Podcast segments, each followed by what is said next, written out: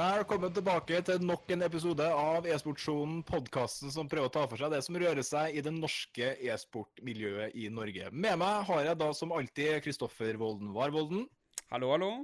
Og så har vi med vår faste bidragsyter, eller regelmessig bidragsyter, Biango PubG.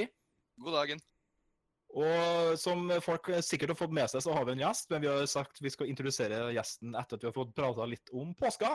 Det har vært påske og påskeferie, så uh, folkens, hva har dere gjort i påska? Uh, Biango og Volden? Gleden av å starte, du, Volden. Jeg, jeg, kan godt starte. Jeg har ikke gjort så mye interessant i det hele tatt. Jeg har vært på hytta med familien og ja, kommentert litt og Nei, egentlig bare tatt det helt med ro. Ta med ro. Nice. Og Bjørn Ola, foruten å plotte, plotte litt med meg på The Gathering om hva vi skal grille allmennlandet her etterpå, så har du Nei, jeg, var, jeg, har jo brukt tida på The Gathering. Det er jo det jeg har. Uh, jeg var jo på jobb utenom det. Uh, velkommen til voksenlivet, er det ikke det man sier? det vet jeg ikke noe om. 29 år, er ikke voksen ennå. Nei, så Nei, det, jeg var på The Gathering. Uh, spilte PubG-turneringa der, kom på andreplass. Litt penger med seg hjem. Da gikk jeg i hvert fall ikke så mye minus, så fornøyd med det. Leve med det. Du kunne vente til jeg spurte deg spørsmål, i hvert fall. Om du, om du, gjorde noe spesielt på The Gathering, for jeg hadde jo fått med meg det. Og, ja, ja. og det var med Epif Epiphany Bolt, ikke mer. Det var det. Og vi klarte jo det kravet ditt òg, da. Ja, stemmer det. Hva var det kravet? Du, du fikk en så lite sånn, sånn Hva skal du kalle det på godt norsk? En liten uh, utfordring? Utfordring. Ja. Norsk, folkens. Ja. Utfordringen var at vi skulle kjøre en liquid, altså vinne tre kamper på rad. Mm. Og da, da, måtte vi jo bare gjøre det, da. Når du sa det.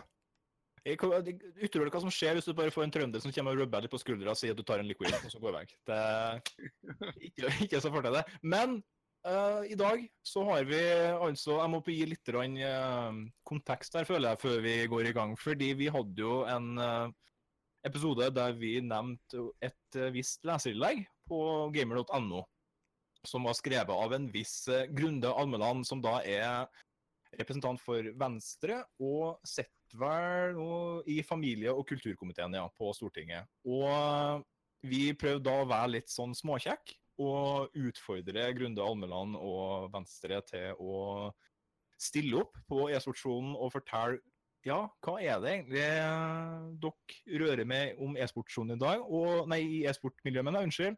Og Grunde Almeland, du tok utfordringa. Ja, det gjorde jeg. Det er jo gøy å bli utfordret.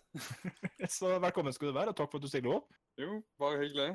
Du kan, du kan jo få lov til å fortelle lytterne og seerne våre litt om hva, hvem er du for noen?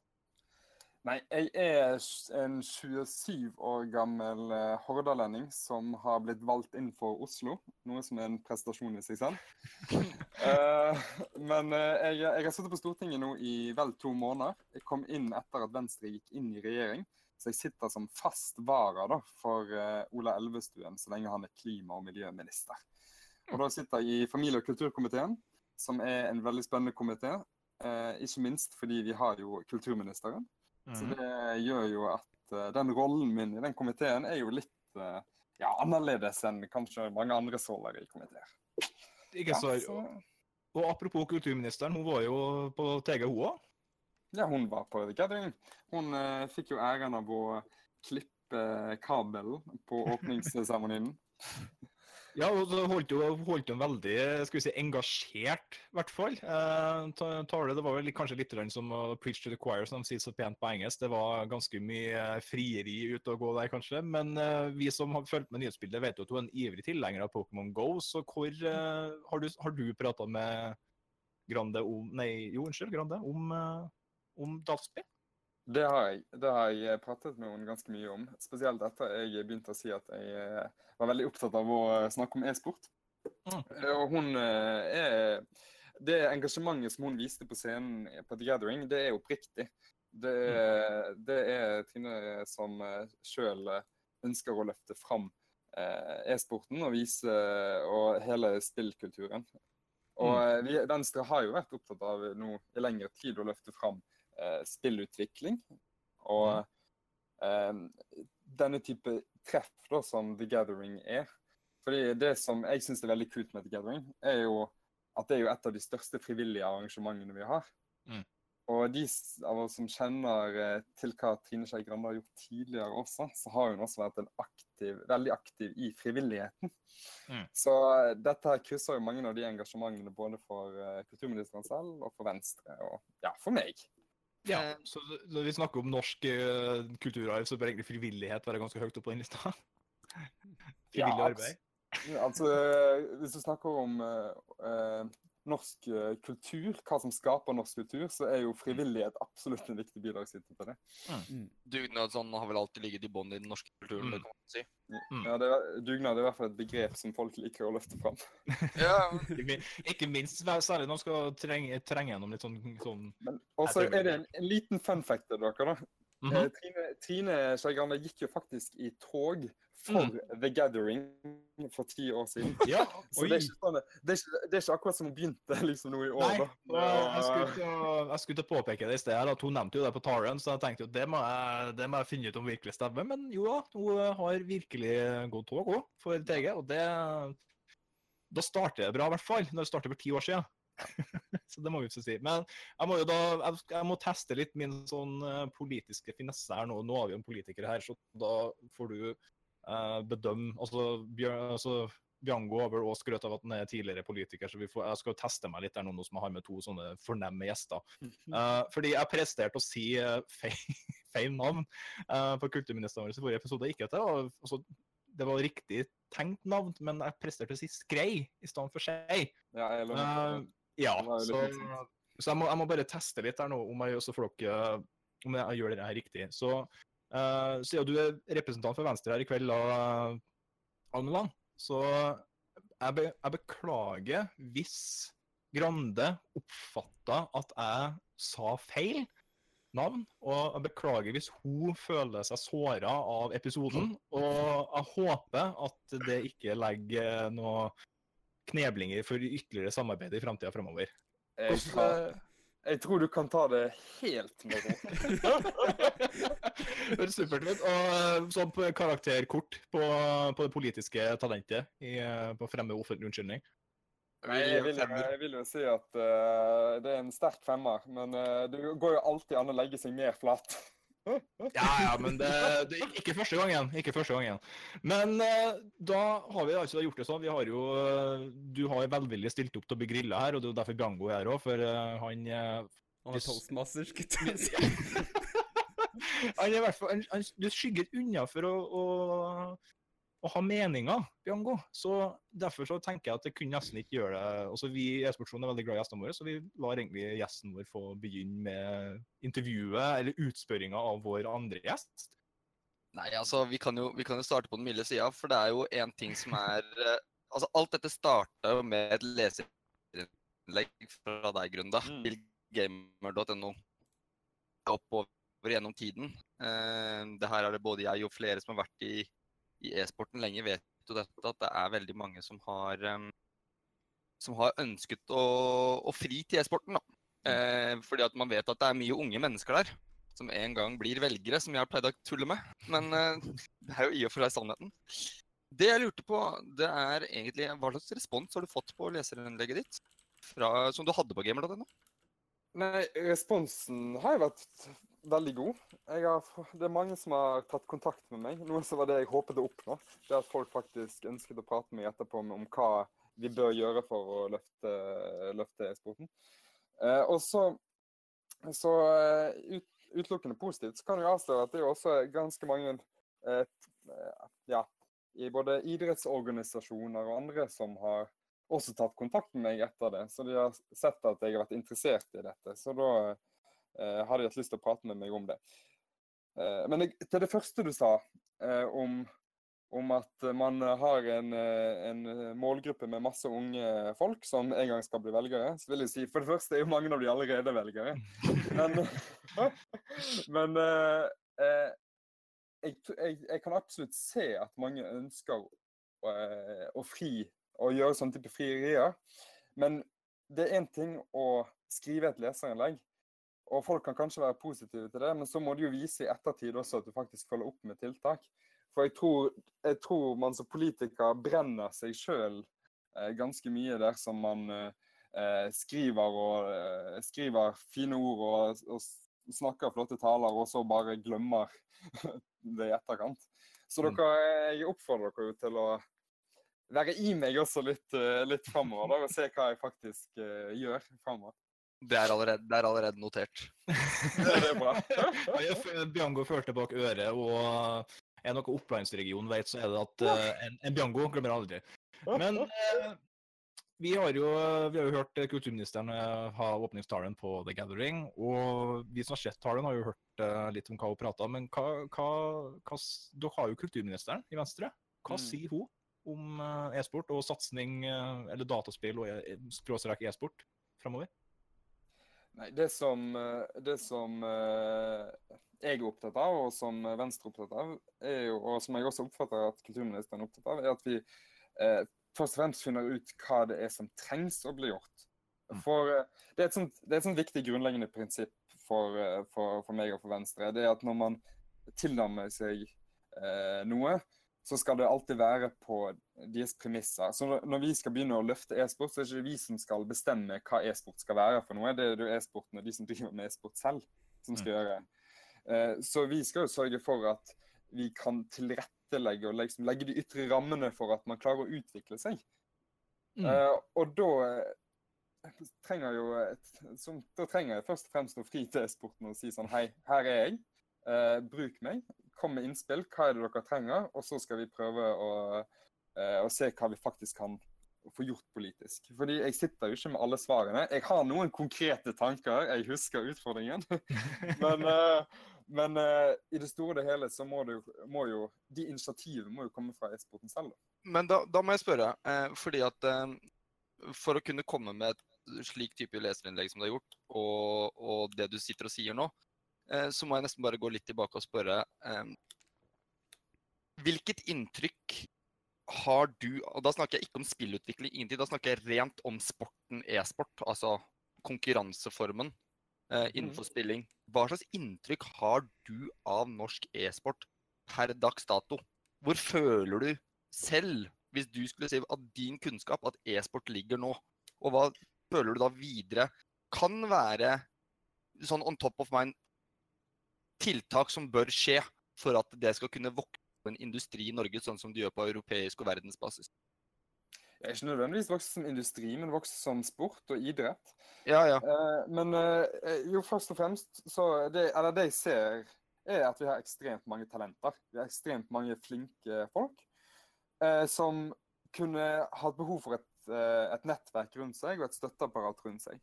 Mm. Eh, og vi har eh, altså Jeg hadde et møte med Telenor-ligaen for en stund tilbake siden og fikk lære litt mer om hvordan Telenor-ligaen fungerer. Og jeg er jo kjempeimponert av det man har klart å få til, eh, til der.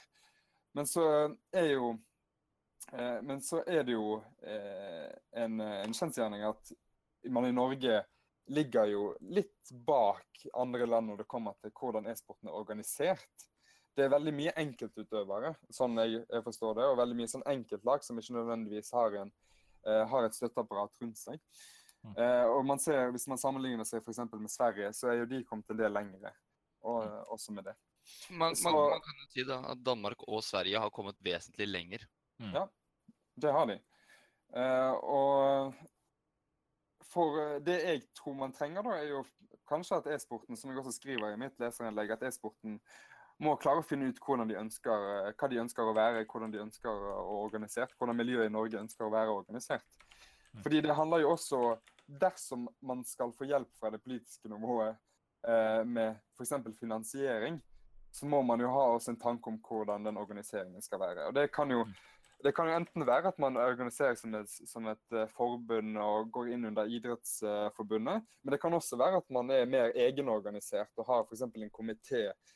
Og det, det sånn konkret så mener jeg at man da hvis man f.eks. har et oppheng i, i Idrettsforbundet på en eller annen måte, så må man jo få tilgang til å søke midler som alle andre forbund for å, for å bygge opp og få støtte om både lag og eh, trenerutvikling og, og utøverutvikling og alle disse tingene.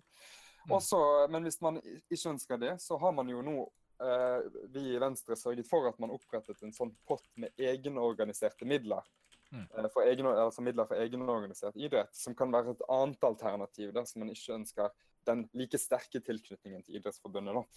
Mm. Men dette er jo igjen, dette er jo liksom en utfordring for eh, miljøet selv å finne ut av hva man ønsker å gjøre og hva man ønsker å være. Mm. Ja, men uh, når du bygger på det, da. Du begynte å nevne Idrettsforbundet. Og da, da syns jeg det er veldig greit. For jeg, jeg er klar over at du skal til Drammen ballklubb i morgen, og at det er et arrangement der nede. Ja, eh, det skal vi. s- eh, som uh, ikke helt i farten huske hva omhandler, men jeg vet at det har noe med e-sport å gjøre. Det vet mm. jeg. Eh, og da vet jeg også at Per Tøyen skal. Eh, Mhm. Som er, eh, For de som ikke vet det, så er han idrettspolitisk eh, rådgiver for Norges idrettsforbund. Eh, og det, det man har hørt tidligere, det er at Idrettsforbundet alltid har vegra seg litt grann for å, å se på e-sport. Ja, det har forandret seg gjennom tiden, det, det skal jeg ikke si noe på. Men eh, hva tror du eventuelt Norges idrettsforbund rolle ville vært opp mot e-sport? Altså, hvordan tror du den rollen vil bli fremover? Eh, spesielt med tanke på at de skal på samme, samme arrangement som det du skal på i morgen, osv. Først og fremst må jeg si at jeg syns det er positivt at Idrettsforbundet eh, nå begynner å innse at e-sport faktisk er en veldig stor, eh, stor idrett. Det er mange som driver med det, så det er jo positivt. Men det arrangementet skal på i morgen, er jo Drammen ballklubb sitt eh, initiativ med å starte opp eget e-sportlag. Jeg skal møte bl.a. noen av de gutta som eh, er med i Overwatch-laget til Drammen ballklubb. Mm. Eh, så det er, jo, det er jo den lokale organisasjonen der som har initiert det og skal prøve å starte og ha større, en større satsing på dette. Mm. Og jeg tror jo at jeg har, ja, jeg har veldig liten tro på at man fra toppen av skal begynne å, å si hvordan eh, noe skal være. Så også når det kommer til Idrettsforbundet, så har jeg veldig liten tro på at toppene i Idrettsforbundet skal bestemme hvordan e-sporten skal organisere seg. Men det jeg tror kan bli et resultat, er jo hvis man i større grad ser at man lokalt eh, organiserer e-sportlag gjennom f.eks. ballklubben eller en annen, en annen type idrettsforening, så vil det jo bli en, også en, da, en slags naturlig tilknytning til Idrettsforbundet. Eh, og da vil det jo bygge seg opp over tid. Men for meg er det viktig at dette er liksom, det, må, det må starte nede. Det må starte på grasroten, og så må det bygge seg oppover. da. Og da har vi fått spørsmål i chatten fra Tangedal fra gamen.no. Han spør jo hver sommer så lages det 20-30 scener på musikkens dag, støtta av det offentlige. Og i e-sporten så må arrangørene ta alt det ansvaret. Så når kommer det offentlige på banen for å være med å bygge opp den kulturen her og tiltakene for ungdom? Nei, dette er jo et innspill som er kjempegodt. Det skal jeg absolutt ta med meg. Så det jeg, kan jeg absolutt se på videre. Men det er denne type innspill jeg, jeg eh, føler vi trenger da, for å vite hvor er det skoen trykker. Hva er det man har behov for. Og så eh, skal vi jo eh, nå framover gjøre arbeid eh, med ulike typer stortingsmeldinger. Det er sånn politisk flott arbeid der man skal meise ut hva er egentlig eh, kultur, og gjøre, ha disse prinsippdebattene om ting. Mm. Og når man også kommer til, eh, til spørsmål om eh, idrett og, og om ja, eh, datakultur Jeg, jeg syns jo, det- er en veldig spennende debatt å følge eh, e-sportdebatten. fordi eh, man har på den ene siden eh, spill og gaming og datakultur, som er kultur. Og så har man det rent idrettslige, da, som kanskje ikke kultur på den samme Det er jo på en måte ikke nødvendigvis kultur, så e-sporten ligger i en litt sånn brytningsfase, hvis dere følger meg. Mm. Så det er, jo, det er jo litt spennende å se, um, se hvor, eh, hvordan man skal definere det. da. Uh, men uansett så må man jo sørge for at man også tar inn over seg at dette er noe ekstremt mange i Norge driver med. Og hvorfor skal ikke vi også da legge til rette for at folk faktisk eh, kan uh, drive med sine fritidsinteresser? Ja, og Venstre er jo i regjering nå, og Venstre er jo med, med all mulig respekt å melde ikke det største partiet på Stortinget akkurat, men Hæ? så da, så, da, så uh, det, det er en sånn Det liten endrer seg etter denne, dette intervjuet. Bare sånn uh, liten sånn sommerfugl som hvisker meg i øret. Men uh, så spørsmålet er jo et, et relevant spørsmål kan jo være hvem andre på Stortinget er det som er enig i at e-sport må løftes frem politisk? Altså når, når vi kanskje tradisjonelt sett senker politikere, så er jo ikke akkurat e- en som er interessert i e-sport det første som dukker opp. Så Nei. Det var, jeg, jeg snakket med noen på The Gathering forrige uke som sa at det var jo fantastisk å se at det var en nerd på Stortinget. Men det sier jo Det, det, det tror jeg er et av de største komplimentene jeg har fått. Men det er, for, for ti år siden så hadde ikke jeg vært altså, da, Nei, det var et kompliment, men det er noe annet. det er vel for så vidt Erna òg. Hun har jo, vært en, har jo en liten nerd i magen, hun òg. Fra Ja, tidligere, i men, hvert fall. ja, absolutt. Jeg tror det er mange nerder. Det spørs bare hvordan man definerer begrepet. Ja, ja, Men, men, uansett, men uansett, da, så eh, Jeg tror ikke det er så veldig mange som er bevisst på e-sport og den store bevegelsen eh, e-sport er. Og når jeg snakker med andre stortingsrepresentanter om e-sport, så er det litt sånn tomme blikk og litt sånn Ja, men dataspill, eller eh, snakker du Kan jeg forstår ikke helt uh, hva, hva du snakker om. Men de fleste er veldig lyttende da, og interesserte i, i dette fenomenet. Men er ikke Men det det- politikere har en gave for øra? Det høres ut som, eller se ut som de er veldig engasjert. Ja, kanskje de bare lurer meg. Nei, men jeg, jeg hadde en prat faktisk her om dagen med eh, eh, Rikard Nordin. Jeg vet ikke om dere kjenner til ham. Han Jo, hvis er, du lar meg google, så skal jeg finne ut det. ja, Ja, unnskyld. Fortsett. han er, sitter eh, på, i den svenske riksdagen for Mhm. eh, Centern, så et av Venstre sine søsterpartier i Sverige. Mm. Og han eh, eh, streamer på Twitch eh, Hearthstone hver uke. Mm. Eh, og har faktisk legend ranking i forrige sesong i, i, i Hearthstone. Uh, og han, og, jeg og han hadde en lang prat om hva kan man egentlig gjøre for e-sport. Hva er politikernes rolle? Har vi mulighet til å egentlig gjøre noe, eller må alt initiativet komme fra e-sporten selv? Hva kan vi ta initiativ til? Så vi prøvde å snakke litt fram og tilbake og få litt erfaring, sånn at jeg òg fikk litt erfaringer for hva egentlig har man prøvd å gjøre i Sverige. Mm. Eh, og det han sier, er jo at ja, nei eh, jeg eh, er jo alene om dette. Det er jo ikke så mange andre som, eh, som, eh, som bryr seg. Eh, fordi det er jo For veldig mange av de den eldre generasjonen så er dette veldig vanskelig å forstå. Det er jo et, et, et mer moderne fenomen. Så mitt håp er da er jo at vi er jo det yngste Stortinget noensinne. Størst andel unge folk. Så er det et tidspunkt, det i hvert fall eh, sånn historisk sett, burde, burde være mulighet for å få gjennomslag for, eh, for ting i Stortinget og få flertall for eh, forslag, så er det jo nå. Eh, Men det, det, det er litt interessant det du sier med Stortinget. fordi at det, man ofte ser når andre ting skal komme på banen, eh, er jo at man henter inn folk som faktisk driver med dette her. Eh, da snakker vi om alt fra hvis dere skal begynne å bore i Nordsjøen, så henter dere inn eksperter på det osv. for, å kunne- for å kunne gjøre saken deres best mulig. Eh, kunne vært en idé at eh, ja, f.eks. den komiteen du sitter i, hadde hentet inn aktører fra e-sporten til å faktisk fortelle dere hva dere faktisk eh, Hva e-sporten faktisk trenger, og så kan dere se hva dere har A. Muligheten til å gjøre noe med, eh, men B. Eh, dette må dere faktisk klare å ordne selv. Eh, fordi at det, veldig mye av praten, både fra e-sporten sin side, eh, nå snakker jeg ikke bare om politikere, men bare fra e-sporten sin side, og fra politikers side, og alle som er engasjert, veldig mye blir med praten, veldig mye blir på en måte i tåka. Mm. Men ingenting blir satt i sten, eller ingenting blir jobbet videre med. Eh, har du noen forslag der? Når det kommer til eh, hvordan eh, å, å få møte med komiteen og sånn, så kommer det en sak fra, for Stortinget, kommer det en melding som er aktuell for e-sportmiljøet på Stortinget, så er man jo velkommen til å delta på høri, høringene. Og da deltar man jo for presentert synet for, for hele komiteen. Og da skal jeg i hvert fall være bidragsyter dersom det skjer, til at man sørger for at uh, man får på plass eh, noen stemmer som faktisk driver med, med dette, og ikke bare vi diskuterer det internt mellom oss. Eh, men eh, det absolutt det du peker på, er jo en utfordring. Og det er en utfordring ikke bare for e-sport, det er jo for mange politiske saker. det at man klarer å komme seg forbi praten og faktisk komme til, eh, til tiltakspunktene. Men så, men så må jeg jo si at nå har jeg vært litt rundt i, i Norge alle på disse to månedene mine, og jeg har jo eh, brukt forholdsvis mye tid på, på spill og gaming og e-sport. Eh, og jeg har- var jo annet i Bergen og så på eh, Arna videregående skole. Og den, eh, det programfaget de har i e-sport der, var inne en eh, hel time hos eh, ene klassen i CSGO.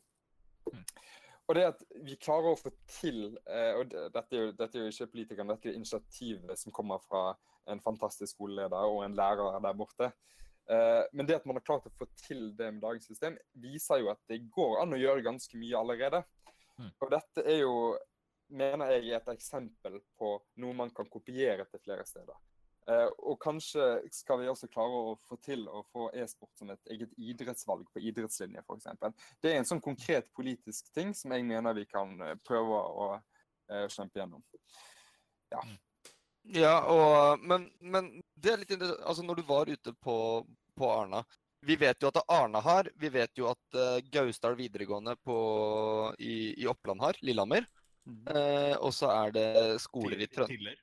Tiller. Altså det er flere skoler i Trøndelag som også har dette her. Så det er jo noe som allerede er på vei. Og så ser man til Danmark, så ser man det du snakket om i stad. Altså Drammen ballklubb begynner jo nå å lage et Overwatch-lag. I, i, I Danmark så ser man jo at eh, ved å kombinere idrettsklubber og, og e-sport, så får du for det første ungdom ut av huset på en mye bedre måte. Du får i tillegg Eh, som den danske e-sportsjefen sa, eller det danske e-sportforbundet sa, så sa han at også kriminaliteten hadde gått ned eh, på ty tyverier, hvis jeg ikke husker feil. Her kan eh, en i chatten korrigere meg hvis, ikke, hvis ikke det stemmer 100% men det var det jeg mener å huske han sa.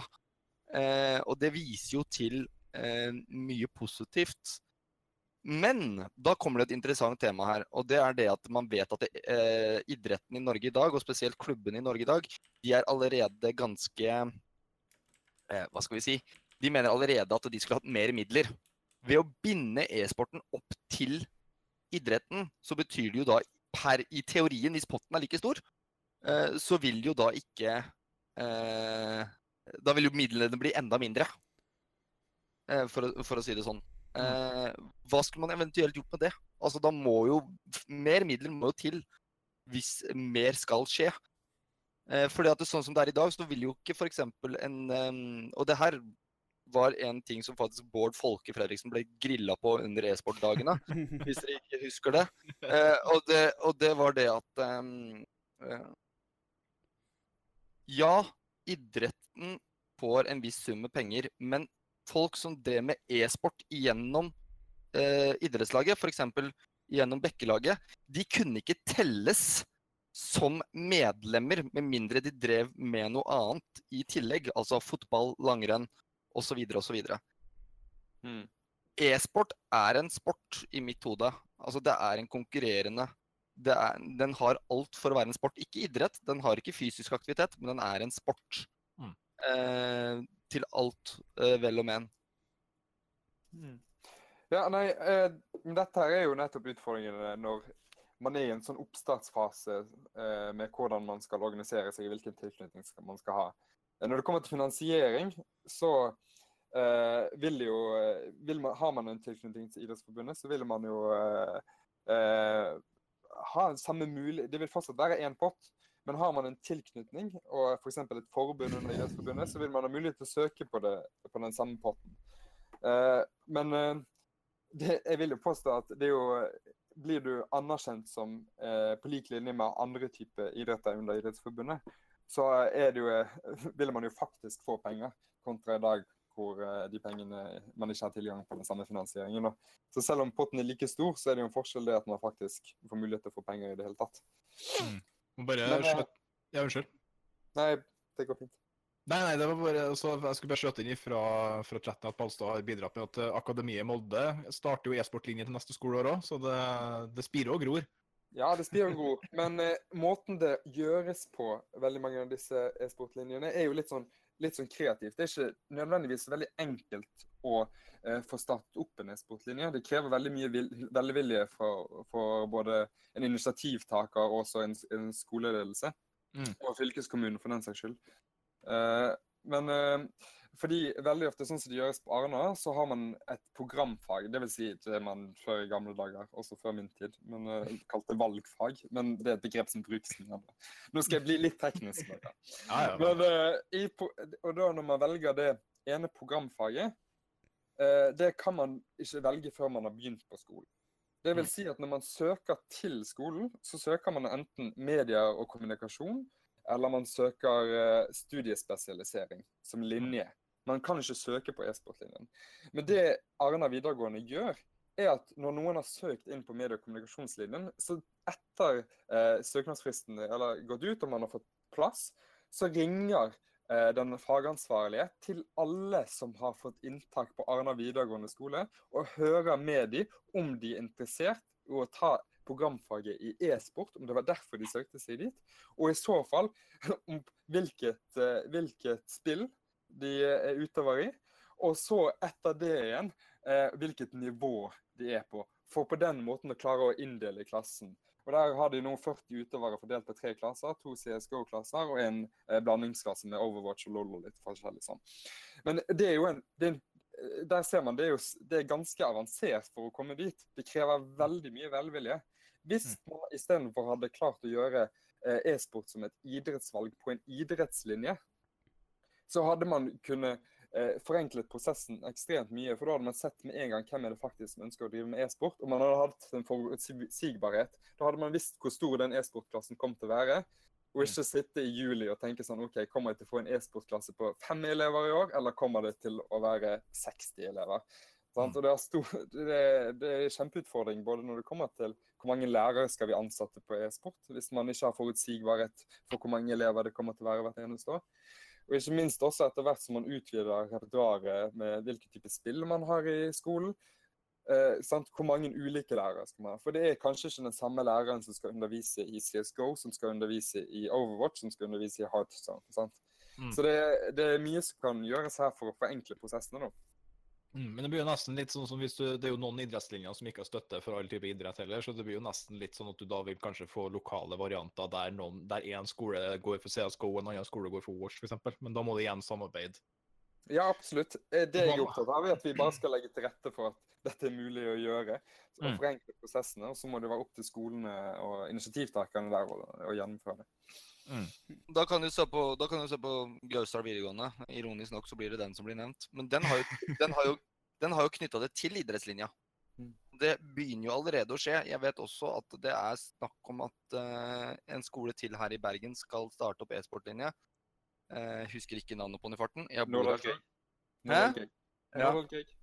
Ja, og de også har vel snakket om at de også skal knytte den mot en eventuell idrettslinje, og ikke Ja. Eh, Men det, men, det gjør, men det gjør de også i Arna. De knytter han opp mot, uh, mot idrettsfag. Og de, gir- de må ha gym, og de har en del idrettslærer og sånne ting. Så, Mm. så det, det, man, man ser jo på det som et idrettsfag. uh, men på grunn av ja, bakgrunnsreglene og hvordan Mm. eh, skolesystemet er bygd opp, så fører det til mange komplikasjoner som ikke er synlige for eleven. For, for elevene fungerer det kjempebra, men som gjør det kanskje litt vanskeligere for skolene skolen å ta initiativ til å starte dette. da. Så vi har folk som virkelig har guts. Så all ære til de skolene som faktisk har startet opp. Som, eh, som lærerstudent så kjenner jeg meg absolutt ikke igjen i den eh, narrativen fra andre land i det hele tatt. Uh, men um, fikk dere møte eh, foreldre dere var på Arna? Nei, vi fikk ikke møte. Vi var der i skoletiden. Det er okay, Ok, nok ja. de har sluttet med foreldre i skoletiden. i videregående. jeg på videregående. Ja, ja. Ikke alle som har samme behovet som for foreldre som meg, da, med andre ord. Men eh, Det var nok en spesiell ordning for deg. det, det, det kan ikke si det. Ja, nei. Nei, men uh, jeg tenker For det er alltid i sko fra skole altså Igjen er jo lærerstudent, og du, vi har jo funnet ut ifølge sånn i graverende journalistikk, altså å bare google Grunde enn biografi på Stortinget, så har vi funnet ut at begge, begge foreldrene dine er jo lærer. Mm. Og har du noen gang prata med dem om e-sport som skoletilbud? Ja, jeg har pratet litt med det, men uh, nå, min far ble pensjonist i jul. Ja, OK. Uh, og min mor eh, Altså, jeg hadde en regel da jeg var liten, da, som sa at jeg kunne få lov til å spille Dette var når vi hadde Super Mario eh, Mm. og den gamle, gamle Nintendoen. Da Mm. hadde vi en regel som sa at jeg kunne få lov til å spille Nintendo eh, de dagene det regnet om vinteren. Eh, og det snør om vinteren, så det Så har du til, til, til og med i Bergen? Nei, jeg vokste opp i Hardanger, faktisk. ja, unnskyld. Hvorfor Hans? Født i Bergen. Du har ikke sett godt nok på biografien. Født i Ah. Bergen, vokst opp i Hardanger. Sånn var det. Nei, jeg bare, jeg bare skumleser litt gjennom at jeg skulle ikke være for uh, privat her. Men uh, ut, ifra merittlista di, så tror jeg en egen episode dedikert på e-sportsjonen er jo definitivt karrierens høydepunkt. Det, Ingen tvil om Det det er absolutt, absolutt. Nei da. Nei, men det jeg kan si da, er at um, eh, jeg har jo vokst opp med en forståelse av hva det vil være å være lærer i en skole, og Mm. hva som er viktig for at eh, Eller hva eh, i hvert fall mine foreldre har sagt at det er viktig for at eh, eleven skal kunne lære. Og nettopp det å ha interesse for noe og være motivert for, for et fag, eh, det gjør jo at man, man faktisk er til stede i klasserommet. Og det, vi, det jeg så som var et eksempel i Anna som jeg syns er kjempegodt, var jo eh, måten de brukte tid på å presentere strategier i CSGO. Det var den elitegruppen da, i, i den klassen jeg var i. De hadde en, en, eh, en eh, presentasjon der de gikk gjennom ulike typer strategier for en app. Uh, og presenterte det foran hele klassen. Og så hadde de en liten del om uh, uh, sånn skadeforebygging og sånt, eh, fysisk på slutten. da. Og det er jo en utrolig eh, god måte å eh, lære elever presentasjonsteknikk, hvordan man bygger opp en, en prestasjon, hvordan man formidler man. Det er ekstremt mye mer enn bare eh, det å kunne, kunne strategien i CS. Mm. Og det er jo det, det er noe som du eh, kan overføre til alle andre fag du har på skolen. Så det, det er liksom det å innføre og liksom bruke eh, CS, bruke e-sport i skolen, er jo det, Jeg mener det er kjempeverdi. Mm. Vi har jo, eh, tror jeg Grande nevnte vel det under, i et intervju med The Gathering òg, at uh, i Hamar så er det et prosjekt nå med å bruke matematikk i, Nei, unnskyld, bruke dataspill i matematikk i timene. Så det er jo, gutta er jo skoletaperne ut ifra statistikken, så der har du tydeligvis uh, spennende ting på gang òg. Skoletaperne og skolevinnerne. De Ja. Er blir begge sider av statistikken, er det ikke? Det er jo mer riktig, det er sant. Det er, det er bra. Jeg tror ikke det er noen fra skolen min som ser på det her som er sensor, så det er bra at jeg ikke blir korrigert av politikere på mitt eget fagfelt på direkten. Det Men, det er helt riktig. Men ja, unnskyld. men det som det, du, Vi snakket jo om det med, med Hamar og, og det å ta bruk eh, Altså ta i bruk eh, fag, andre fag, da. Eh, så bruke spill i andre fag. Det er, det er eh, vel og bra. Men eh, hvordan kan vi eh, gjøre det enklere da, for skoler eh, å danne e-sportlinjer, eventuelt? Nei, det er jo litt det jeg har snakket om allerede. F.eks. gjøre eh, det som en del av naturlig del av- idrettslinje. Gjøre det som et idrettsvalg på idrettslinje. Sånn at man Mm. oppretter faktiske eh, toppidrettslinjer i e-sport. Mm. Eh, sørge for at man eh, rydder unna alle de eh, tingene som er i eventuelle rundskriv og forskrifter eh, som hindrer, eh, hindrer man å gjøre det. da. Så eh, det er et sånn konkret tiltak for å forenkle videregående skole. Men så tror jeg også dette handler veldig mye om eh, rett og slett, Når vi snakker helt tilbake til det grunnleggende om å anerkjenne e-sport, så handler jo det nettopp om å, å prate om e-sport. og at, eh, og Det er litt det det jeg tenker er min rolle som politiker. det er At jeg har en plattform der jeg kan faktisk nå ut til eh, eh, ganske mange av de som er beslutningstakere. Og prate med de om dette fenomenet som de ser med litt sånn tomme øyne på og ikke helt forstår. Men det at jeg har den plattformen og kan snakke e-sportens sak, det er jo, det, det mener jo jeg også er en av mine roller, da, og det jeg skal gjøre hvis, eh, og hvis jeg skal klare å løfte e-sport. da. Og på, inn på sida til venstre her, hvis du trykker på parti og politikk fra A til Å, og trykker på dataspill, så blir du fasa inn i eh, kunst og kultur som levebrød her. Så, så, så det er litt sånn Men Det eh, gode, fine med det er jo at, eh, at det i hvert fall kommer til kunst og kultur. det, det er i hvert fall en fin start. du kommer til min komité som riktig politiker.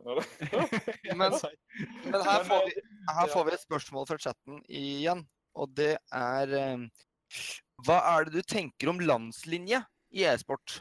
Sånn det det som eh, landslinjen for skiskyting på Stryn. Ah, Det hadde vært kjempespennende. Det er absolutt noe jeg eh, mener vi kunne sett på. Det ligger nok litt frem i tid, men jeg, det, det er kjempespennende. Det er absolutt. Mm. Men, det, men det er jo kanskje det er greit å formane for en politiker at ting tar tid. Ja, det er fryktelig frustrerende innimellom. Men, Det, det kan jeg forstå. Men, ja, Bjørngo. men hvis vi flytter oss litt fra, fra skole og e-sport, og flytter oss litt fra dette med bredden og organisering eh, du har også vi, altså, vi har jo også da den siste biten igjen av e-sport, og det er jo eh, det vi kaller for den profesjonelle delen av e-sport.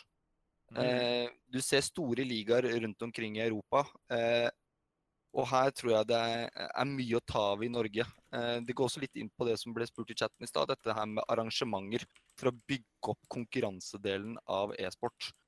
Eh, har du tenkt på dette i det hele tatt? Har du tenkt noe på hva er det som kan gjøres der for å faktisk få opp profesjonaliteten i både norsk e-sport og i arrangementene rundt norsk e-sport?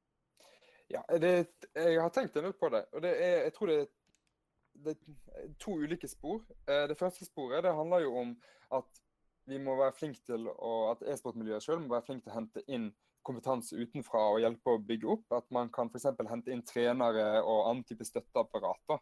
Og hente inn den kompetansen utenfra når man eh, bygger opp lag her i Norge. Og Det vi konkret kan gjøre for å forenkle den prosessen, er jo f.eks. å endre utlendingsforskriften. I dag så har man, eh, har man mulighet i, eh, eh, utlendingsloven til å gi særlig unntak fra reglene om oppholdstillatelse for, eh, for eh, enkelte ulike typer grupper. Og i utlendingsforskriften så er de, det definert bl.a. som eh, profesjonelle idrettsutøvere og medfølgende støtteapparat. Hvis man da i eh, bakgrunnsretten her klarer å definere også e-sport inn som en profesjonell idrett, så kan man jo eh, sørge for at også eh, trenere og støtteapparat for eh, e-sportlag kan få unntak for eh, disse kravene om oppholdstillatelse. Mm. Eh, altså rett og slett et e-sportvisum, da. Eh, så det er en sånn helt konkret ting man kan gjøre på politisk nivå for å tilgjengeliggjøre dette, for, tilgjengeliggjøre den kompetansen som ligger ute i verden for å bygge opp det norske e-sportmiljøet. Eh, ja, og så er det jo når det kommer på arrangementssiden, så handler det jo om å være flinke, at man er flinke lokalt til å støtte opp om arrangementene. Nå har jo, jeg har sett litt den debatten som har gått med eksempel at ulike datatreff ikke lenger får lokaler, f.eks. Det syns jeg jeg det, det provoserer meg eh, veldig. Nå har jeg ikke satt meg inn i detaljene i alle sakene, men det må jo være grunnleggende det er grunnleggende positivt at man klarer å organisere disse datatreffene. Det er fantastisk mye frivillighet som skal til. Det er jo det som er særnorsk hvis man f.eks. sammenligner The Gathering med eh, andre utenlandske, utenlandske arrangementer, så er det hovedsakelig frivillig drevet. Altså det er, Norsk The Gathering er frivillig drevet. I utlandet så har man ofte kommersielle aktører som står for disse datatreffene. Og det at man klarer å holde på den tradisjonen for at man eh, har frivillige som har disse lokale datatreffene, de regionale datatreffene, det tror jeg er kjempeviktig. Så det, men det er jo eh, et lokalpolitisk tiltak og regionalpolitisk tiltak. Men der skal jeg jo sørge for å være på, da, for å sørge for at uh, uh, vi gir folk tilgang til lokaler, sånn at de faktisk kan holde disse datatreffene i det hele tatt. For det er jo en Mm. del eh, kravspesifikasjoner som skal til for å holde et, et, et, datatreff av den typen. Men, men, da, men da kommer den, nå kommer dataspilleren i meg frem her. Eh, for jeg, jeg er jo ekstremt glad i data. Jeg konkurrerer på, på eh, semieuropeisk nivå. Eh, og det mye av det du snakker om nå, faller ned på én ting. Eh, og det er midler. Det er penger. Og ja, jeg vet at politikere i seg selv og Stortinget i seg selv kan ikke gi oss penger. Det forstår jeg til en viss grad. Eh, Hallo? Hallo? Datt du ut der, eh, Bjørngo? Spørsmålet ble sensurert. Ja, Det var grovt. Tror det var moderator Varvolden som trakk eh, Han, ville, han begynte å spørre meg om penger, og det Dårlig forbindelse her. hei, hei. Nei, hei! Ja, det var kanskje Det var det var ad- advarsel, advarsel nummer én. Ja, ja, ja. Nei, Eh, det var midler. Men, men, men det jeg lurer på da er, hvordan kan det da gjøres kanskje fra den politiske siden å gjøre e-sport mer attraktivt for selskaper å investere i? Mm. Den er litt vrien, ja jeg vet det, men uh, sponsorer. Ja, altså for, Det er jo en kjensgjerning at sponsormidler og det å faktisk få kapital til å kunne profesjonalisere F.eks. ja, flott å få et visummulighet, men du må jo kunne lokke de til Norge også. Mm. Nei, jeg tror det som er viktig nå, dette, dette er litt sånn på sparken, jeg har ikke tenkt så mye på akkurat denne siden. Men det jeg tenker er jo viktig at man sørger for at det politiske Norge også tar e-sporten på alvor. At man, an, når man sier at man, man anerkjenner e-sport eh, som, som en idrett, så sier man også, gir man også det en litt forutsigbarhet eh, for eventuelle eksterne sponsorer som vil inn i, i det norske markedet.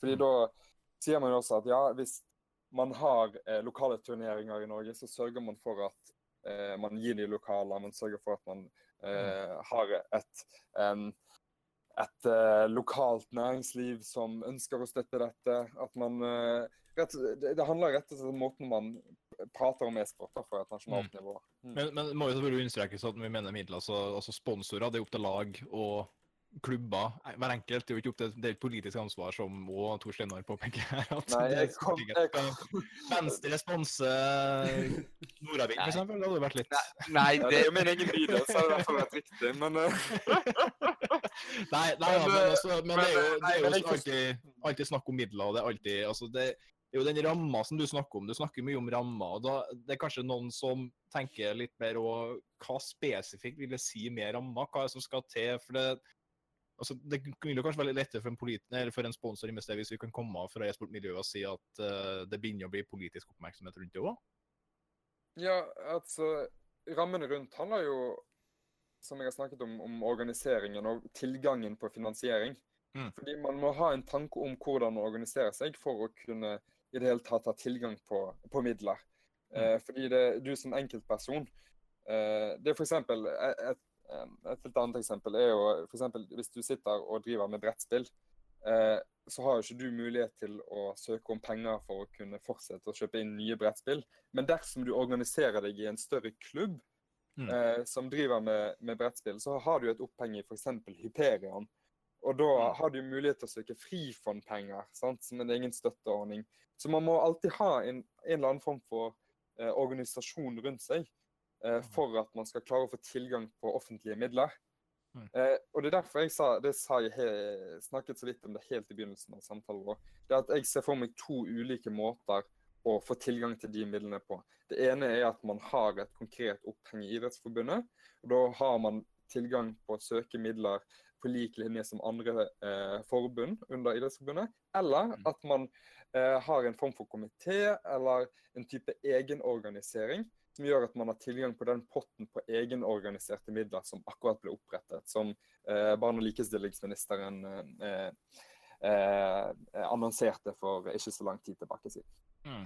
Og det, igjen, eh, trekke opp, du, du er jo fra Venstre, og som vi har påpekt, og Venstre sitter jo med kulturministeren. og det, det er godt å vite at vi har en kulturminister som ikke bare er glad i Gathering og Pokémon GO, men som òg har eh, aktivt tatt, uh, brukt sin demokratiske ytringsfrihet til å gå i tog for det Gathering. Det er jo selvfølgelig fantastisk. Men eh, legger ikke litt ekstra press på dere da, hvis du går ut i gamer og sier at vi skal være med å løfte e-sport, og e-sport faller jo inn under Kulturdepartementet? Jo, det legger absolutt press på oss, men det er jo det som har vært målet. Fordi vi ønsker jo å oppnå noe. Og hvis vi ikke, ikke går ut og har en ambisjon, så er det, får man jo eh, sannsynligvis heller ikke gjort så veldig mye. Nei, nei, men så er jo det også, Da etterfølger den ambisjonen òg, da. Så hva, hva Fram til nå, hva slags Du har kanskje svart litt på det tidligere i episoden, men hva slags tiltak, sånn umiddelbare tiltak er det dere kan gjøre? Altså, Hva er det dere kan bidra med fra, fra, fra Stortinget? Eller ikke fra Stortinget, men fra Venstre. For Venstre, som er veldig på frierferd her. Ja, Det første jeg kan gjøre sånn uten å i det hele tatt uh, få noe vedtak eller noe, er jo å være ute og snakke aktivt med eh, idrettsklubber, sånn som jeg skal i morgen til Drammen ballklubb. Og sørge for at man har positivitet rundt det, både i, i eh, organisasjonen der, men også i foreldregrupper. sant? Mm. Og det er En av de tingene vi skal gjøre mye der, er å snakke med foreldre som er bekymret for at uh, skjermtiden til ungene er, Mm. er, altfor alt eh, ja, eh, heftig. Fir, firkanta øyne. Ja, det den, den, den biten der, ja. Men, eh, og det er noe det, det kan konkret gjøre sånn med en gang, uten at noen trenger å, å si noe i det hele tatt. Men så er det jo eh, det som trengs liksom politisk håndverk og politisk arbeid, er jo dette vi har snakket om videregående skole. Og så er det dette med utlendingsforskriften. Eh, Det er faktisk et forslag jeg har tenkt å fremme for Venstres landsmøte allerede neste uke. eh, I et dokument som eh, vi kaller for teknologidokumentet. Det er Venstre sitt sånn, eh, hovedtema på landsmøtet vårt i år. Mm. Eh, og der har vi jo flere punkter om, om ja, digitalisering generelt, men også om e-sport spesielt. da. Eh, Mm. om anerkjenning av e-sport, og så fremmer jeg et forslag der tenker jeg om dette er forklart om eh, utlendingsforskrift og lovgivning og få inn kompetanse utenfra. Men så er det jo mye mer man kan gjøre også med folkehøyskoler f.eks. Sørge for at man styrker de eh, linjene man har der, som driver med dette. Det er jo direkte sørge for at de faktisk får tilgang til midler. Eh, ja. Og så er det jo eh, Ja. Alle de ideene folk i miljøet måtte komme på med som er gode, og som faktisk eh, er politisk gjennomførbare. Og som eh, Ja. Det, det er bare å komme med gode innspill. Jeg sitter, jeg sitter på Stortinget og har en offentlig e-postadresse og en offentlig biografi. så- som det Eh, det, det er bare, det- er bare å sende meg e-poster med gode ideer. Ja. Og så etter landsmøtet neste uke så forventer vi selvfølgelig å få masse nyheter ifra, som e-sportrelatert, selvfølgelig. Og dataspill, ikke minst. Ja, hadde ikke det vært gøy? Ja. Men jeg kan, jo, Eh, jeg kan jo si da at for eksempel så arrangerte jo eh, kulturministeren, før hun ble kulturminister, en egen, eh, et eget innspillmøte på Stortinget for spillindustrien. Det handler jo ikke om e-sport, men det er jo, det er jo spillindustrien ja, vi tar det opp. Og så bevilget vi jo fem mill. til spill ute i verden i statsbudsjettet. Så det er jo ikke Mm. sånn at Venstre, eh, i Venstre har, har jo vært opptatt av dette før også jeg kom på banen. Og vi viser kom, at vi klarer å levere konkrete penger også. Som, kom, kom, kommer det fra chatten en konkret dato? Ikke med meg eh, noen konkret dato. På hva? Uh, Nei, å, ja, unnskyld. Nei, altså Høringa i det- så- Stortinget om høringa- Ja, høringa i Stortinget om e-sport. Var det en konkret dato der, eller var det bare var ikke en forklaring om at det måtte til for å få til en høring i Stortinget, så måtte det bli fremmet forslag først, var det ikke sånn? ja, det må fremmes et forslag i Stortinget Mm. først. Så Men med en gang det kommer en konkret dato, så skal jeg sørge for å uh, annonsere det. gjør det. det må absolutt til, så at vi får inn og Vi har, vi har vel en nordmann som er med å arrangere ganske mye heftige turneringer ute i Europa her, så det hadde vært litt tøft om han kunne komme hjem og hjelpe til litt med Men det som ikke, det trengs, det som ikke trengs noe forslag for, er jo å møte meg. Så det, er jo bare, det er jo bare å sende meg en forespørsel på e-post, så eh, får vi tid til det. Men uh, jeg skulle si Nå har jo Biango har jo rappa de fleste Jeg, jeg føler meg litt som sånn agurkreporteren ved sida av Biango her. For Biango er han som har fått stilt alle de spørsmålene om politisk føring, mens jeg er litt mer sånn Ja, foreldrene dine er jo lærere. Men eh, Men eh, Så det er jo et spørsmål du ikke har stilt, for du sa jo at du var på The Gathering. Hva, så jeg må jo ta agurkspørsmålet. Hva gjorde du på The Gathering, og hva får du ut av det? Å være på The Gathering? Nei, jeg eh, fikk jo dessverre bare være på The Gathering én dag. Jeg hadde bursdag eh, på, på torsdagen, så jeg måtte hjem eh, til familien og ha sånn bursdagsselskap. Det var jo det var veldig hyggelig, det. Eh, Fæle greier. Ja, det var, det var fett. Nei, men jeg fikk vært der én dag. Eh, og jeg kom eh, ganske tidlig. Fikk med meg en og en halv time bilkø. Eh, det gjorde jeg òg. ja, det, det må til. Det er en del av opplevelsen, har jeg forstått. Eh, og fikk heller ikke parkeringsplass, så det var jo gøy etter en, halv, en og en halv time bilkø. Men, men eh, det, det jeg gjorde, var jo først og fremst at jeg skulle bare sitte og prøve å være en, uh, være en del av det. Og Mm. ta inn opplevelsen. Og så ble jeg avbrutt ganske mye av uh, folk som ville prate, eller det var litt intervjuer med, med NRK og litt forskjellige sånne ting, som, eh, som avbrøt litt eh, spilletiden. Men jeg fikk sitte ganske mye nede og, og, spille. Så det var egentlig mest for å lov til å uh, ja, oppleve hva The Gathering er. Jeg har ikke vært på det før, så det var på tide. Men, hva, men hva slags tilbakemeldinger fikk du fra, fra de som var på, um, på arrangementet? Altså jeg vil gå ut fra at Når mange kom dit for å snakke med deg, så fikk du jo en god del tilbakemeldinger. Hvordan, hvordan tilbakemeldinger var det du fikk? De fleste syntes det var veldig kult. De som eh, jeg snakket med som, og som visste jeg var stortingsrepresentant, syntes jo det var veldig kult at jeg var der. Eh, nå er det jo altså det, det er jo sånn at som stortingsrepresentant eh, det er Merkelig nok, det var et sjokk for meg, men de aller fleste vet jo ikke hvem du er. Det eh, det, det er ikke noe du bare kan gå rundt og kaste rundt her i offentligheten. Nei, og- det, de, folk kaster veldig lite roser, eh, roseblader eh, på veien. det, det er vel en sånn kjent internettgreie at uh, du, du har liksom ikke kommet til det punktet der du kan gå inn på puben og så litt, sånn litt lettere berusa og så bare si 'Veit du hvem jeg er?' det, det, det har ikke kommet dit ennå. Jeg kan gjøre det på lokalpuben min, fordi der vet du hvem jeg er. Men eh, ikke ellers, nei. Nei. Nei, men, men, men, men, men, men men, men, men, Ulstein, kjør på. De tilbakemeldingene jeg fikk, var utelukkende eh, veldig positive. Og jeg gikk veldig mye aktivt rundt sjøl også for å prøve å prate med folk. Så jeg fikk prate med en del, eh, bl.a. en som hadde vært på, eh, på landslaget i Overwatch. Som snakket litt om eh, liksom, mål, ambisjoner og drømmer og sånne ting. Så det, det var utrolig, utrolig givende å faktisk være der og eh, få oppleve det. Og jeg fikk veldig mye innspill på hvor viktig det er med å støtte opp om den type arrangementer. da. Mm. Og eh, mye frustrasjon med eh, datatreff som har blitt eh, avlyst og diverse sånne. Ja, apropos, apropos profesjonalisering, så kommer jo nå vår eminente Tor Steinar i, i, i chatten med at eh, da får du bli med på Copenhagen Games til neste år. For da vil du faktisk se hva vi mangler i Norge. Og det, det er en utfordring nummer to til deg, Gunnar. Da, da betyr det at du kan da dra på uh, Dreamhack Summer nå til sommeren. Og så drar du på Copenhagen Games neste påske for å virkelig se hva vi mangler i Norge. Så har du utfordringen. Ja, så eh, Dreamhack, var- der kan jeg sikkert snakke med han eh, Rikard Nordin i Sverige. Han skal kanskje på Dreamhack. Så Han, er eh, han eh, parlamentarikeren og uh, Heartstone-utøveren. Ja. Nei, men eh, Og gjerne invitere meg med til København. Men eh, det er en eh, fin by, og det er sikkert veldig eh, gøy å være med på Copenhagen Games. Men det er jo veldig synd å måtte nedprioritere The Gathering for å dra til København. Jo, men, så, men så er det så hvis du skal så, Selvfølgelig norsk er best, men det er jo liksom hvis du skal gå for e-sport, så må jo gå litt den stigen. Og da er det jo The Gathering, DreamHack og så Copenhagen Games. Så det, det hører og bør, det.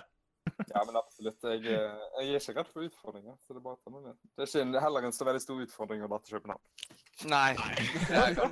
Men- ikke, men- ikke for en stortingsrepresentant, i. Nei, men, men, ingen- men, men, sann, men sannheten er jo det at eh, det du kan se på Copenhagen Games og, eh, og i Dreamhack Summer, eh, er jo det Hva er det vi faktisk mangler i Norge? Mm. For skal, det er ikke å legge under en stol at i Norge så mangler vi eh, for det første det vi har snakket om mye i dag, profesjonaliseringa. Mm. Eh, vi mangler midlene. Eh, og skal vi ta igjen våre brødre, og da, så, så må dette her til. Eh, og for å legge på en ting til, da, Grunde, det er det at e-sport i Norge har ikke alltid vært dårlig. Eh, fra 2002-2003 til 2006 så var Norge et av verdens beste land i CS. Mm. Det er vi ikke lenger. Mm. Eh, så sannheten er at vi har faktisk vært der fremme en gang i tiden.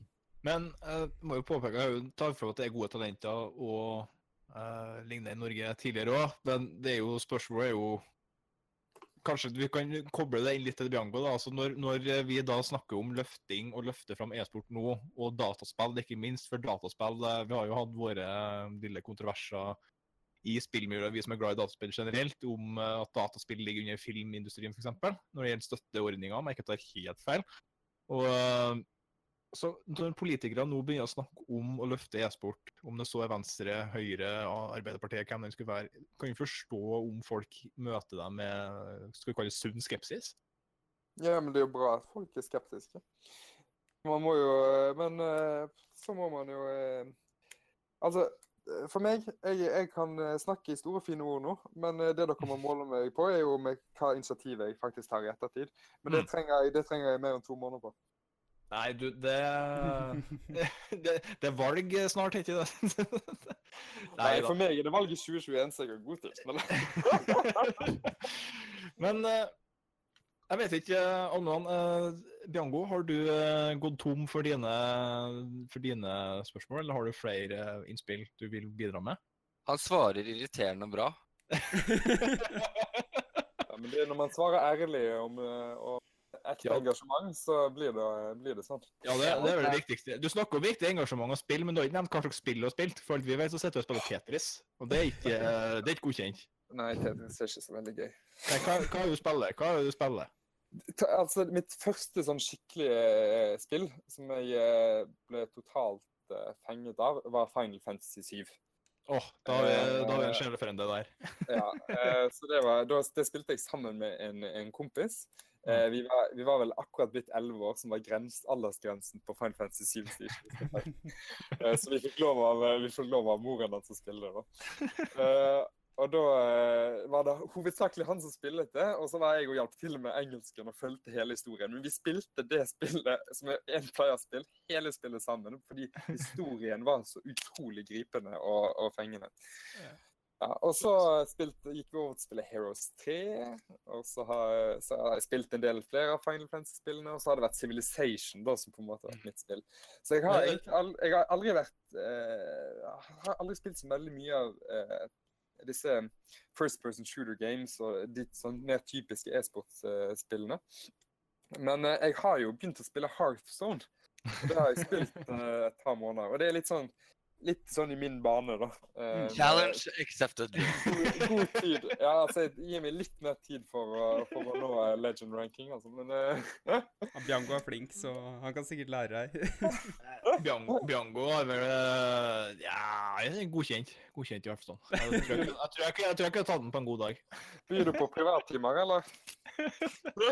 Det var det jeg sikta til egentlig til Biango, men jeg tror han, han er så konkurranseinnstilt, så det vet jeg ikke. Ja, Det, nå. Her går det kun i konkurranse. Nei, for så, Jeg starta jo ikke sjøl med Final Fantasy 7 heller. Jeg starta jo mye før med gamle Du nevnte jo gamle Nintendo, men det var liksom Final Fantasy 7 som virkelig var watershed moment i, uh, i spill, uh, spillkarrieren din, om man kan kalle det det. Ja, for, eh, for min del var det Final Fantasy 7. ja. Ja. Mm. Men du har jo, altså du nevner jo strategispill. altså For det første så er det ikke overraskende å høre at en politiker er glad i Civilization. Det, det er vel kanskje spillet som gir mest mening, sammen med andre diverse strategispill.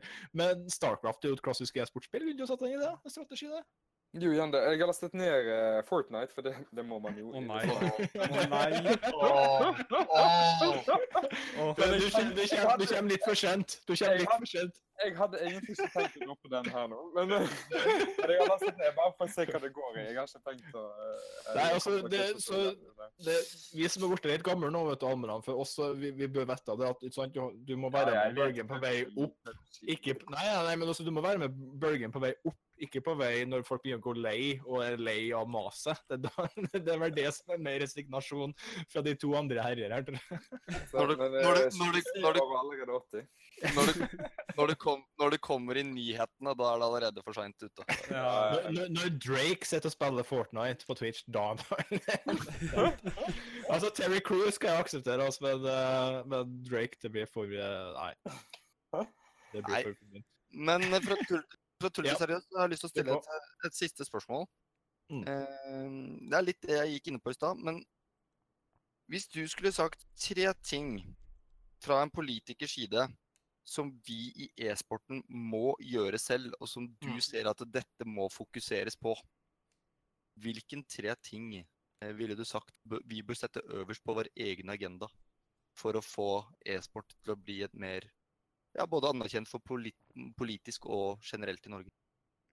Først og fremst det som har, vi har snakket om flere ganger, det er først og fremst hvordan vil man organiseres. Eh, hvilken, hvilken type organisasjonsform vil man ha? Hva slags type oppheng? Hvor skal man uh, ha tilgang på midler? Uh, det, det, det er liksom det første pri. Og da er jo eh, Og så må man for det andre finne ut hvordan skal man eh, bygge opp uh, det lokale engasjementet hvordan skal formen, den typiske formen på et e-sportlag lokalt være. Eh, og det trenger ikke være et svar og en mal at alt skal være likt. Man kan godt ha store ulikheter. Eh, men man må ha en liksom, konkret tan tanke om hvor, hvordan, eh, hva, hvilke liksom, krav man skal ha til et e-sportlag. Hvilke krav man skal stille. Og så må man sørge for at man eh, er bevisst på hvilket oppheng man skal ha. Så det var egentlig to ting, da. Men jeg, tror, jeg mener de to tingene er de aller viktigste. Mm. Og, så det, det tredje blir etter de to. Ja, Det er i hvert fall det viktigste hvis, vi skal, hvis man er opptatt av finansiering. Mm. Men jeg vet ikke, jeg vet ikke, jeg vet ikke om man er så opptatt av det. Å jo, det skal jeg love. Det skal jeg love deg, mann her. Det er, vi, vi tør å påstå at det er en, en hjertesak for, eh, for eh, e-sportmiljøet i eh, Norge. Eller generelt. Kanskje, kanskje ikke lenger i Nord-Amerika, der har de kommet ganske langt allerede. Men vi kan Jeg lurer da på, er det noe Du, du, er, du har takka ja til å komme her på utfordringa vår, Det setter vi utrolig stor pris på, ikke minst. Eh, har du, det er jo tydeligvis vært vanlig med sånne shoutouts for gjester og sånn, så er det, noe, er det noe du vil rette spesiell oppmerksomhet til sånn på tampen her?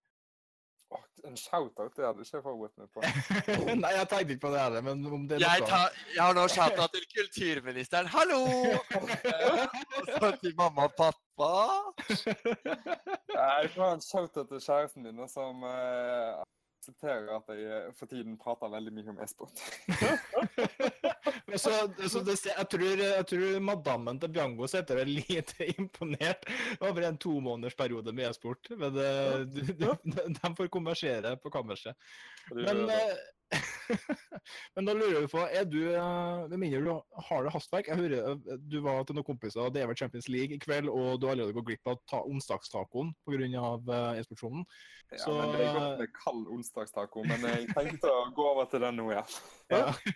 Så eh, igjen fra e-sportsjonen, eh, Grunde Almeland, stortingsrepresentant for Venstre, tusen takk for at du stilte opp, og tusen takk for at du lot deg bli noe grillet av Bongo og litt meg. Så tusen takk for at du stilte opp, og lykke til videre. Det var bare hyggelig. Tusen takk for at dere ville ha meg med. Det skulle bare være det. Så får du hilse til Trine. Det skal jeg gjøre. Ha det godt. Hei, hei nå. Og da lovte vi Det var jo egentlig ment at det skulle være litt sånn spesial at vi tar eh, Almeland eh, ut i det fulle nå som vi har den her. Men det som vi da kom på, selvfølgelig, er jo at eh, Skal vi se, bare svare der. At eh, vi lovte jo å gå gjennom neste runde Mm. i uh, Telenor-ligaen. Fordi vi kom jo på for det før gjennomgangen satt, at det er jo dobbeltrunde neste runde i Telenor-ligaen. Så vi begynner øverst. Uh, og der, og Biango, du er hjertelig velkommen til å komme med innspill på, på CS og Heartstone osv. Uh, før vi avslutter, så eh, øverst er Overwatch, Volden. Så hvis du har lyst til å ta de kampene, vi trenger ikke ta tabellen og sånn, men hvis du bare går gjennom de kampene som uh, i an, altså runde sju, da. Runde sju blir, blir det denne gangen, ja. Yes. Um, oi. Jeg ser første kamp her. Five and a half men mot uh, Dynasty Sport. Ja. Er redd å brenne? Den tror jeg kan bli Det tror jeg kan bli en jevn kamp. Det, det skal bli en spennende kamp. Så Hvilke, da vil jeg si Hvilken kamp da? Five and a half men mot Dynasty. Overwatch. Jeg vet ikke hvem Five and a Half Men er. Så okay. skal jeg holde meg. Så jeg tror den kan bli, kan bli uavgjort. Så har vi toppen vi- Hm? Uavgjort der, ja. ja. Ja. Og så har vi toppen mot Øygarden. Burde Øygarden klare fint. Litium mot Alopex. Den bør Litium ta. Og så til slutt så er det Eventyrbrys mot Riddle, og den bør Riddle vinne. Ok, dog. Og da hopper vi bare kjapt over til Hearthstone Team League. Vi orker ikke gå gjennom, vi har forklart det til det uminkjennelige, at eh, vi tar ikke for det individuelle. Eh, men 9. april altså, så riller er da laget som står over den eh, runden. Så det er Trondenes vaktlag mot Oslo Lions elektroniske sportsklubb. Der har du fått med meg såpass at den bør Oslo Lions ta greit, Bjørngo, tror du ikke det? Den bør Oslo Lions ta. Veldig. Ja. så det er da Bitfix Gaming mot Air Esport. Det er den siste kampen denne runden der, og da har du noe innspill på den? Bitfix mot Air? Uh, ja takk, begge deler. Uh, kan jo ikke, kan jo ikke ende uavgjort. Uh, jeg holder et lite strå på Bitfix, eh, men det her er PubG, da, så alt kan skje. Men jeg ja. Nei, Hearthstone, mener du? uh, Sorry, Hearthstone. Alt kan, alt kan skje, men uh, jeg tror Bitfix To Bitfix. Ja. tar vi på deg. Og så kan jeg da ta gleden av å ta Rocket League. Jeg skal ikke, jeg skal ikke gjette. Det går kun på navnet, i så fall. Det det er ikke. Men husk på, da, runde 7 12. april klokka 9 spilles de kampene, altså. For det er doble runde 12. april. Mm. Det er da Bamble Dream Team mot Air Esport. Det er Nordavind mot uh, Go to Sleep. Team Bjønsk mot uh, Tilted Angels. Horizon mot Tøffepatruljen. Og The Razzle Dazzlers mot Gutta Boys. Og i Counter-Strike der er vel dere to litt mer eh, oppdatert enn meg, så dere kan gi deres eh, lille skal vi si, educated guess når jeg har eh, nevnt kampene her. Det er da altså igjen runde sju i CSGO, og da er første kamp det er da ja, den tror jeg til og med jeg tør å gjette på, med all mulig respekt å melde. West Norway mot Bitfix Gaming. Blir nok Bitfix. Jeg, eh, ville nok uh, med litt på Det var nå den runde sju vi snakker om nå, ikke sant? 7, ja. Runde sju, ja. 9. april, West Norway mot uh, Bitfix Gaming. Bitfix bør ta den. Yes, og så har vi Intelligy mot uh, Momentum Air. Det er da tabelleder Intelligy, ikke det? Jo. Jo. Yes. Uh, jeg tror Intelligy tar den. Ja, de har vært, tatt, vist at de er flinke, så de eh, bør nok ta den, ja.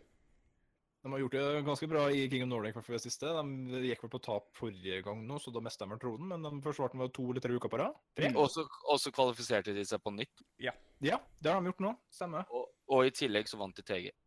I tillegg til de TG. Og vi kan jo lese i, i artikkel fra Kimmel.no at de ble kritisert for å prioritere TG over Copenhagen Games, men de kommer med forklaringa si der, så for dem som er nysgjerrig på det.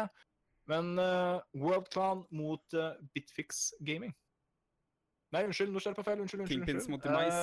Uh, Kingpins mot Demise, helt riktig. Om forlatelse. Jeg veit ikke. Jeg er litt skuffa over Kingpins-sesongen her. For å være helt ærlig, men det er forståelig da, ut ifra at det har vært så mye bytter og vært så mye rot uh, innad i laget. Men uh, jeg skal fortsatt, uh, fortsatt holde på at Kingpins tar den, men det, det har vært mye rot. Jeg tror personlig at den kampen er uavgjort. Mm. Jeg tror de tar ett map hver. Eh, ja Hans blir sikkert litt pissed for å høre at jeg sier at de tar ett map hver. Det får du leve med. Eh, nei, jeg, jeg, jeg tror de tar ett map hver. Eh, Kingpins har vist seg å være ekstremt vanskelig å slå over to kamper. Mm. Men de har også i gjengjeld veldig mye uavgjorter pga. det. Mm. Mm. Og jeg tror det vil ende opp med det samme her. Eh, jeg tror det vil bli en uavgjort, ellers så tror jeg at det ikke tar det.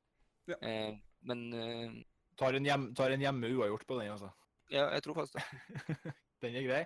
Og da er siste kamp den runden er da, som ser på papiret til å være en spennende kamp, hvert World Clan mot Nordavind.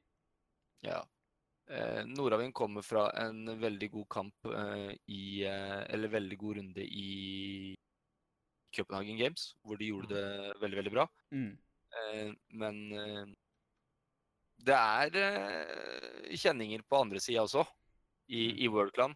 Jeg tror uh, Nordavind vil, eh, vil ta den. Det Ja, det tror jeg. tror jeg Mm. Og Men, da, eh, men jeg, vil ikke bli, jeg vil ikke bli overrasket hvis det blir poengdeling. Det vil jeg ikke. Men jeg vil bli overrasket hvis WorldClan tar det. Så WorldClan er underdogen, men eh, jeg tror, jeg tror Nordavind tar det. Mm. og da fra én liga til én kamp der det ikke blir overraskende som blir uavgjort, til en hel liga der det ikke blir overraskende som blir uavgjort, altså da League of Legends. Er da 12. april klokka åtte. Torsdag. Jeg må da fort meddele at det er ikke på søndag det spilles League of Legends, altså. Det blir ikke før på Var det torsdag jeg sa? 12. april? Tolvte, Ja. Ja. Grunnet at det er finale i EU LCS og NA LCS, så den blir utsatt av hensyn til det. Og i kamp nummer én så spiller da Quantum Norge mot Air Esport, og da tar jeg og safer med en uavgjort. Kunne egentlig bare sagt uavgjort på hele gjengen, men ja. Uh, røkt skinke mot uh, Riddle Elektronisk Sportsklubb. Der uh, bør vel Riddle klare en komfortabel 2-0, tror jeg. Selv om røkt skinke er kanskje det laget som er mest kjent for uavgjort resultat av denne sesongen her. Men uh, tror Riddle skal ta den, hvis hvis jeg vedder med hodet. Og Royal Vikings mot Berserk. Kanskje en potensiell uavgjort kamp der, eller en uh, seier til Berserk, kanskje? Usikker. Det er to lag som jeg dessverre ikke har fått fulgt med så veldig mye på. Uh, to lag som jeg derimot har fått fulgt med en del på, er jo Endurance Gaming og Celestial Gaming, som da er hovedkampen i runden der, vil jeg tørre å påstå. Nei, unnskyld, det er jo en annen kamp også som er spennende. Men, så det er to veldig spennende kamper her nå, ser jeg. Den uh, runden som da spilles klokka åtte på torsdag. Den første kampen er da Endurance Gaming mot uh, Celestial Gaming. Der uh, jeg håper jo, som uh, involvert i Endurance Gaming, at det blir en 2-0. Men Celestial Gaming er gode, gamle travere, så du skal ikke se bort ifra at det blir uavgjort heller. Uh, Celestial Gaming føler vel litt på at de har lyst til å motbevise at de ikke skal få komme til sluttspillet i år. Uh, at de, fire plassene skal gå til Fact Endurance, Bitfix og Riddle, er vel det flesteparten har gjetta. Så skal ikke undervurdere Celestial Gaming, det skal jeg aldri gjøre. Men hvis jeg må gjette, så tar jeg en 2-0 til Endurance. Mm. Men ikke overraska om det blir 1-1, eller også Sylvester. Det er litt sånn som med Worldcon-kampen som Bjørn, nei, jo, Bjango snakka om i CS. At det, det, er sånn, du blir egentlig ikke overraska, og det er underdogs. Men uh, vi har sett før vi at det har vært upsets i både Norge og utland. Og siste kampen denne runden er Fact Revolution mot Bitfix Gaming. Jeg vet ikke lenger med Fact Revolution, skal jeg være helt ærlig. Etter det, altså det Forrige kampen som jeg så med Fact Revolution, så var det mye rart. Og det er jo litt nettopp for at de sjøl òg sier at de ikke tar Telenor-ligaen så dødsseriøst at de gjør noe. og det, det merker en jo på både drafting og spillestil, kan man kanskje si. Um, så egentlig, hvis Fact Revolution spiller for å vinne, og spiller ordentlig, så bør de jo vinne 2-0 her. Uh, individ... Ja, unnskyld? De smadra seg jo gjennom uh... TG, ja. TG, ja, og, og, så, og hvis vi spiller videre på den hypen der altså Ja, det er The Gathering, og man kan si at nivået var under the bucket, mm. men, men altså, det... å, å, vinne er fortsatt ja. Eh, noe man har lyst til å spille videre på. Selvfølgelig, og du må ikke altså, Med all mulig respekt om jeg skulle si, altså, det er ingen tvil om at uh, Fact Revolution spiller for spillere og norske spillere er det definitivt beste laget, eller det laget med mest potensial i League of Legends-delen, og de bør klare en 2-0 mot Bitfix. Men det er, da bare håper jeg som, som tilskuer sin eh, skyld at jeg faktisk får se bra League of Legends. At det ikke altså, For alle de spiller bra individuelt sett òg, men jeg vil se lagspill. Jeg vil se at de eh, At det faktisk blir gjort ordentlig, om det gir noe mening. Heller smadre motstanderen enn å, enn å prøve litt på sånn som de gjorde forrige gang, og at det da ble et uavgjort resultat. Og Det høres ut som jeg snakker om et tap, og det var et upset. Det var jo ikke det, det var et uavgjort resultat. Men det var to tapte poeng, for å si det mildt. Så uh, vi uh, jeg, jeg, tipper Fact Revolution 2-0. Men uh, Og oppfordring, som personlig oppfordring, at de tar kampen ikke sånn dødsseriøst om de ikke føler for det, men i hvert fall har lyst til å spille god League of Legends. Det hadde jeg satt veldig stor pris på som eh, publikummer og som eh, tilhører av eh, norsk e-sport. Men jeg tror uh, that's it for i dag. Vi har nådd uh, grensa vår for det nye formatet, med mindre Biango eller uh, Varoden har noen nyheter de har lyst til å skjøte inn sånn kjapt på slutten her. Jeg skal Nei. skyte inn i hvert fall um, ukens uh, kamper som blir streama. Kan jeg gjøre? Ja, det kan jeg gjøre. Um, 8. april så er det Overwatch, og da blir det Litium mot Dynasty. Mm. 9. april Kingpins mot Intelligy, så det blir nok en spennende kamp. Mm. Og til slutt, 12. april, så blir det Bitfix mot Celestial. Mm. Så det, det streames da, selv om det er dobbeltrunde, så streames bare én kamp for hver uh, runde? Ja. ja. Stemmer. Den er grei. Men da, Biango, har du noe krydder, krydder sånn helt på tampen? Noe krydder? Ja. Nei eh, det, det, blir jo det at eh, det blir gøy å se hva som eh, kommer i forhold til uh, gamer.no og PubG. da. Det, mm. mm. det vet vi jo ikke ennå. Så jeg sitter og venter i spenning. det blir uh, det, Der kom, ja, der kom uh, sånn, sånn sneaky sånn tilbake. Men uh, Men, det, som ikke, eh, det som ikke skjer, så bare skifta tilbake til Piffene Bolt-logoen. Det er ikke mer dramatisk enn det. Nei, jeg, jeg, jeg bytta tilbake til den nå. Ja. Eh, nei, eh, alt i alt så, så, har vel ikke jeg så mye mer. Jeg syns det var utrolig kult av Grunde å ta utfordringen. Mm. Eh, virker også som han faktisk har lagt seg For det første gang, når jeg har snakka med, med, en politiker, og det her skal jeg faktisk være ærlig med, for første gang så har jeg faktisk troa på hva politikeren sier mm. når det kommer til å diskutere e-sport. Mm. Så er det en kjensgjerning for både lærere og politikere så er det vel det at det viktigste er at du opptrår engasjert, og at du faktisk bryr deg. Det, da tror jeg du kommer langt. Og Det- og det har vel Almeland klart. Og det, det, det er noe med det. Og jeg syns det, jeg syns det er bra at de har, eh, har satt seg ned. Altså Han har faktisk satt seg ned og gjort seg tanker, og faktisk spør rundt. Han, eh, det, er- de, de generelle samtalene som har vært om e-sport før i Norge, hvor politikere har vært inne, så har det alltid gått fra at ja, vi skal diskutere e-sport, men hvordan eh, skal vi gi mer midler til spillutvikling? Mm. Det har alltid gått i den diskusjonen hver gang. Mm. Så det var egentlig gøy å ha en som faktisk hadde lyst til å diskutere e-sport, og bredde e-sport. Eh, Mm. Han har faktisk gjort seg opp tanke. Det... Det, det, var, det var mer enn du forventa på forhånd. Nei, nei eh, jeg er, bare, jeg er bare positivt overrasket at den holdt seg Ja. til det, og ikke at det Mm. gikk over i det som alltid har gått over i, nemlig spillutvikling.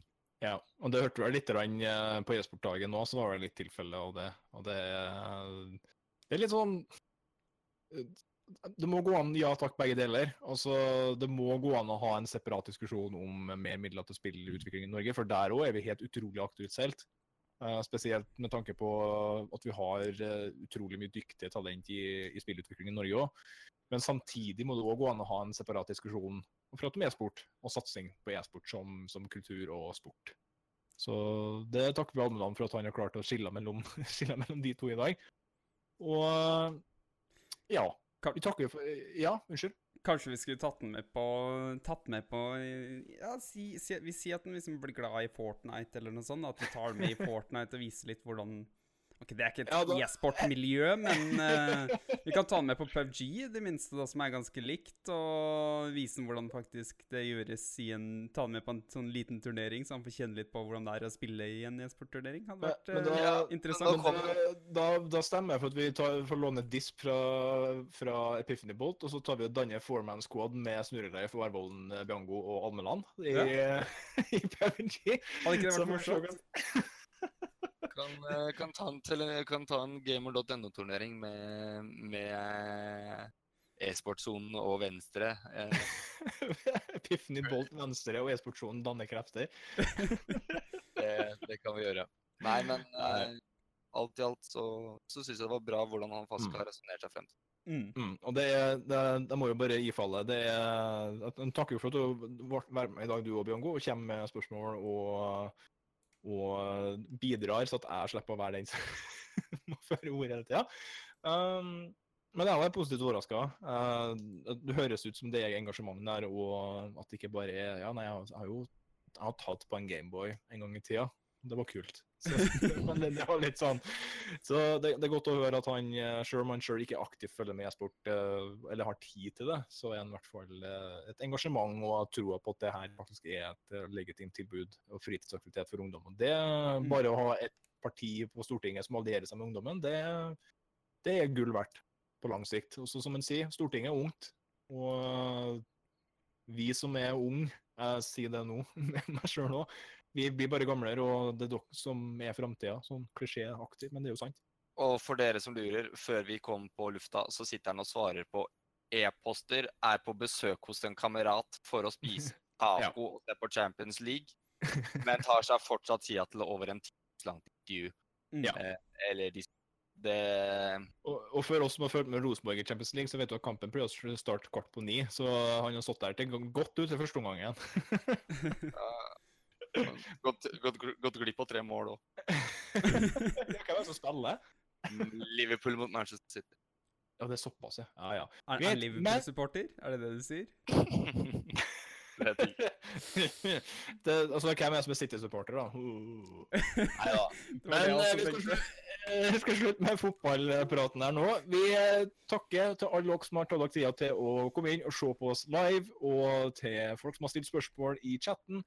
Vi er e-sportsjonen da med Snurreleif, Marvoden og vår faste bidragsyter Biango. Vi takker for at dere kom innom. Vi takker en rette en spesielt stor takk til Grunde Ammeland, stortingsrepresentant for Venstre, som tok seg tid til å komme og bli grilla.